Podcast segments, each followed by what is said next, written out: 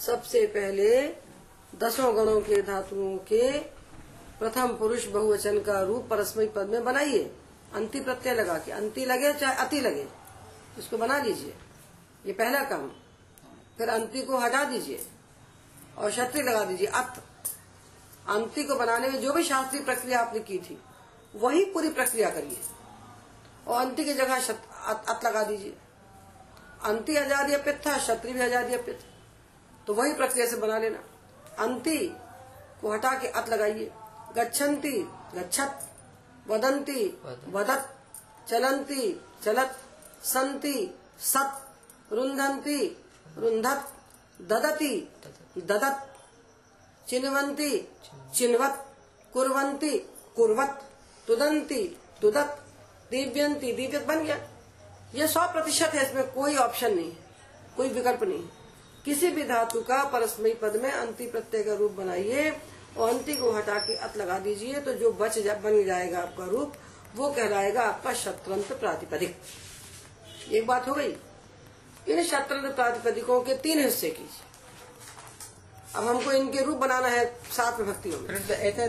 प्रातिपदिकं अ, स्त्रियाँ अभी स्त्रीलिंग नहीं है पहले पुमलिंग रूप बना लो। ए- एक लिंग का विचार एक बार में करो नहीं तो सब तीनों का अलग अलग घुस जाएगा। ओके तो पुल्लिङ्ग का प्रातिपदिक। इदानी ये प्रातिपदिक पुमलिंग का प्रातिपदिक बन गया ये। तो पुमलिंग में यही प्रातिपदिक जो बना पुमलिंग का प्रातिपदिक है। ठीक है? अब ये जो प्रातिपदिक बन गया इसके पुमलिंग में क्या रूप बनेंगे? तो इन प्रातिपदिकों के तीन हिस्से बनाओ। पहला बनाओ भुआदिगण दिवादिगण और चुरादिगण। भुआदि दिवादी और चुरादी भुआदि नहीं नहीं कुछ मत बनाओ गलत है। इसमें कुछ मत करो। कुछ मत करो इनके। ये तो स्त्रीलिंग में बनाएँगे भाजन इनका कोई भाजन मत बनाइए। इनका कुछ मत करिए। ये पूरे बन गए? मतलब न- पुल्लिङ्ग का बन गए। बन जिसका प्रातिपदिक पुमलिंग के बन गए? इनको इनके दो हिस्से कीजिए। जो अभ्यस्त है और जो अभ्यस्त नहीं है। अच्छा।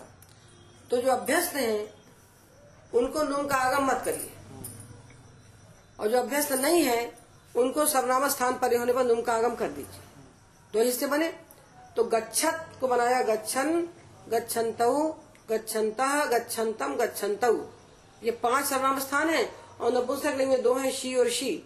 तो गच्छन्ति गच्छन्ति। सर्वनाम स्थान सात है नपुंसक लिंग में दो और पुमलिंग में है पाँच। ये सात जगह नुम का आगम कर दीजिए। अच्छा अच्छा। क्योंकि पुंसी सुओ सुओ जस अम ओट शस किंतु नपुंस नपुंसके शून्य शीशी शून्य शीशी हाँ।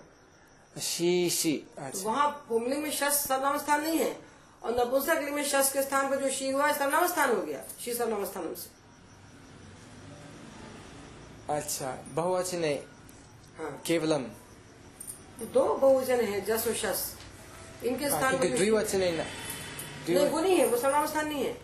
जस शशोषी ही इसने कहा। और उस सूत्र में क्या कहा?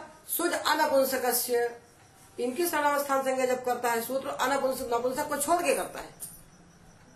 शुद्ध अनपुंसक शुद्ध की सर्वनाम स्थान संज्ञा होती नपुंसक में नहीं होती। हम्म, नपुंसक में नहीं होती। तो पुमलिंग में पाँच नपुंसक में दो। ये सातों को नुम का आगम हो जाता है। सातों के परे होने पर ये सातों के परे होने पर क्षत्रि प्रत्यय जो लगा है उसको नुम का हो गया। ठीक है? ओके ओके ओके तो मे- मेरा एक प्रश्न शायद वो अलग है कि क्यों क्यों ओके नपुन ये तो नपुंसक नपुंसके नपुंसके किमर्थम् अङ्गमदन्तमस्ति चेत् द्विवचने नुमागम भवति। नुमागम? भवति द्विवचने। हाँ।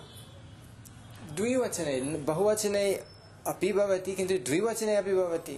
एतत् मम अवगमनं नास्ति। वदत् वदत्, वदन्ति वदन्ति। द्विवचने द्विवचने अच्छी नदी और नुम पढ़ रहे हो ना शी नदी का अलग बनाएगा। वो शी, उसके लिए अलग सूत्र बनाया। शी नदियों, शी को नुम करने के लिए अलग सूत्र बनाया। ये सामने स्थान को नुम करने के लिए। और शी के लिए अलग सूत्र बनाया। आज छी नदी और नुम। ओ एतत् भवती उक्तवती? हाँ गच्छन्ति बताया बताना। द्विवचने। जो स्त्रीलिंग का बनता है ओ ओ ओ ओ स्त्रीलिंग का बनता है वही द्विवचन। उसमें दो इकट्ठे स्त्रीलिंग का नदी और शी एक साथ बनाता चढ़ाते हैं ना उसको। ओ अच्छा अच्छा अच्छा। Okay okay. अच्छा वो तो सर्वनाम स्थान से कोई मतलब नहीं इसीलिए उसके लिए अलग सूत्र बनाना पड़ा। हम्म, क्योंकि सर्वनाम स्थान नहीं है इसलिए अलग से सूत्र बनाया। ठीक है? तो जब आपने बनाया गच्छन, गच्छन्त, गच्छन्ता गच्छन्तम गच्छन्त पाँच, और ये नपुंसक लिंग में गच्छन्ति गच्छन्ति, ये सात बन गए। इस सात से आपके नौ गण बन गए।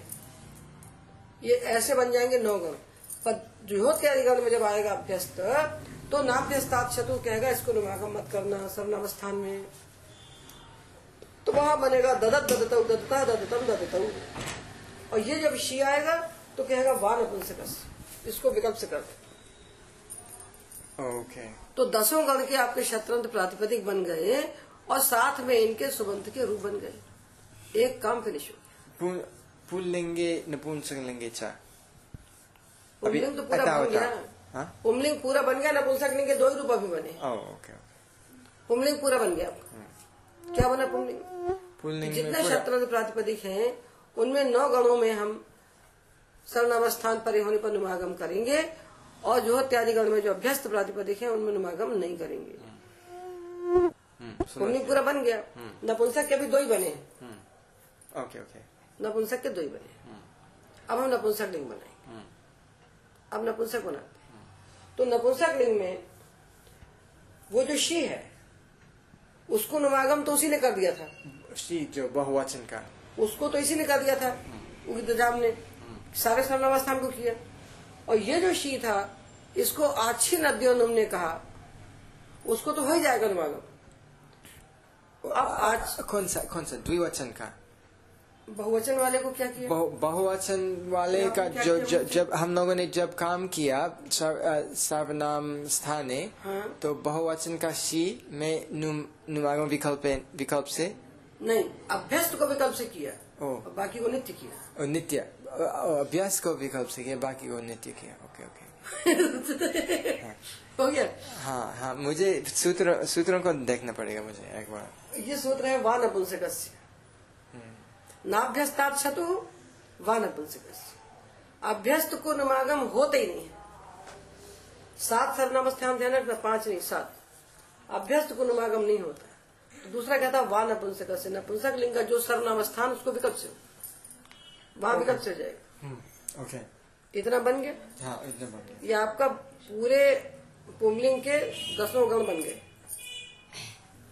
बन गए? हाँ। अब हमने नपुंसक लिंग लिया। अब नपुंसक लिंग लिया। तो नपुंसक लिंग के लिए सूत्र आया। एक प्रश्न।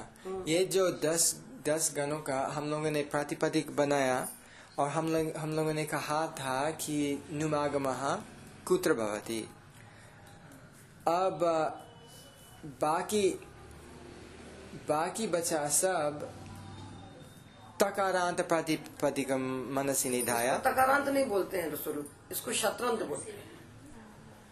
इसको शत्रंत बोलते हैं। संस्कृत यहाँ तकारांत वकारांत बोलने से नहीं बनेगा। तकारांत तकारांत प्रातिपदिकम नहीं नहीं इसको शत्रंत प्रातिपदिक कहते सरित जो है तकारांत। इसका नाम शत्रंत है। यहाँ ऐसे विभाजन है। गच्छत ये शत्रंत है। और भगवत या गतवत ये वत्वंत कहलाता है। तकारांत ये सब एक समान हो जाएँगे। अच्छा। भगवत गतवत गतवान गतवंत गतवंता बोलते हो। इसको गच्छत गच्छन्त गच्छन बोलते हो। तो यहाँ तो गच्छान नहीं बोलते। इसलिए तवत प्रत्यय लगेगा तो वत्वंत कहलाएगा। वत्वंत। वत्वंत। वत्वंत और ये कहलाएगा शत्रंत ऐसा बोलेंगे इसको। तकारांत नहीं बोलते। तो लेकिन हम लोगों ने कहा अभी कि हम लोगों ने कहा कि प्रातिपदिक क्या होता है? और उसके बाद हम लोगों ने कहा नुमागम कहाँ होगा? हम्म। लेकिन बाकी बच्चा जो सात विभक्ति है। सात कहाँ हाँ। सात विभक्ति हम लोगों ने कुछ कहा नहीं सोलह बच्चे सोलह सो सात नहीं पाँच बने हैं सोलह बच्चे सिक्सटीन पाँच बनाए हैं। हाँ पाँच बनाया हाँ। सोलह सोलह बच्चे हैं। उसमें कुछ नहीं होगा बस जोड़ देना। ना ना इक्कीस है ना। कुल मिलाकर के इक्कीस है। तो पाँच बनाया पाँच का नुमागमा होता है कि नहीं होता है उतना ही हम लोगों ने कहा। बस बाकी में जिसके लिए कुछ नहीं कहते वहाँ कुछ नहीं किया जाता। एक पाणिनि का महा सिद्धांत है जहाँ कुछ नहीं कहते पानी नहीं वहाँ हम भी कुछ नहीं करते। लेकिन क्यों- क्योंकि आपने कहा था कि आ, मैं कह नहीं सकता हूँ कि ये तकारांत प्रातिपदिक है। मैं कह नहीं सकता हूँ। अगर मैं कहता तब तो पूरा एक नमूना होता। लेकिन नमूना तो आप अनुमति आपने दी नहीं। अगर अनुमति होता तो ये बनता ही नहीं। तो यह शस के बाद सोलह जो है समान बनेंगे तकारांत। सोलह इसके लिए कुछ नहीं कहा। पर पाँच के लिए शक्ति के लिए विशेष बात कह दी ना। Okay okay. तो जो बाकी बचा सोलह। वो तकारांत उत- कुछ तो करना पड़ेगा कुछ तो तो कुछ नहीं कहा। कुछ नहीं का मतलब संधि करो। गच्छत और अस। गच्छता। गच्छत और आ गच्छता। गच्छत भ्याम गच्छत संधि करिए कुछ नहीं। जहाँ कुछ नहीं कहते पानी नहीं वहाँ हम लोग मिला के संधि कर देते हैं। ओके। यत्र किमपि नो नोच्यते तत्र संधिरेव कार्य। जहाँ कोई अंग कार्य नहीं कहते वहाँ संधि कार्य। ओ। तर्हि एतत् सर्वम् अङ्गकार्यमस्ति। हाँ अङ्गकार्यमस्ति। सर्वनामस्थाने केवलं। ये सब जितना बताया सब अंग कार्य नुमागमः अङ्गकार्यमस्ति। अंग कार्य ओ अङ्गकार्यं यतोहि तिङ् निमित्तीकृत्य अस्ति हम्म। ये एतत् तु सुप् प्रत्ययं निमित्तं सुप् सुप् सुप् निमित्तं भवति। हा सुप् सुप् निमित्तीकृत्य अङ्गकार्यमस्ति सुप् निमित्तीकृत्य अङ्गकार्यमस्ति नुमागमः। और एतत् क्षत्रि प्रत्ययं निमित्त निमित्तीकृत्य भवति। एतत् गच्छन्ति इत्यत् नुम- नुमगः भवति तत् क्षत्रि प्रत्यय निमित्तं भवति। गच्छन्ति में शत् इ गि प्रत्यय निमित्तं भवति। अतः शी प्रत्यय निमित्तं भवति। अतः सुप् प्रत्यय निमित्तं भवति। शी नद्यो यदा उच्यते तदा शी निमित्तं भवति। गीप् निमित्तं भवति। अतः सुप् प्रत्यय निमित्तं भवन्ति।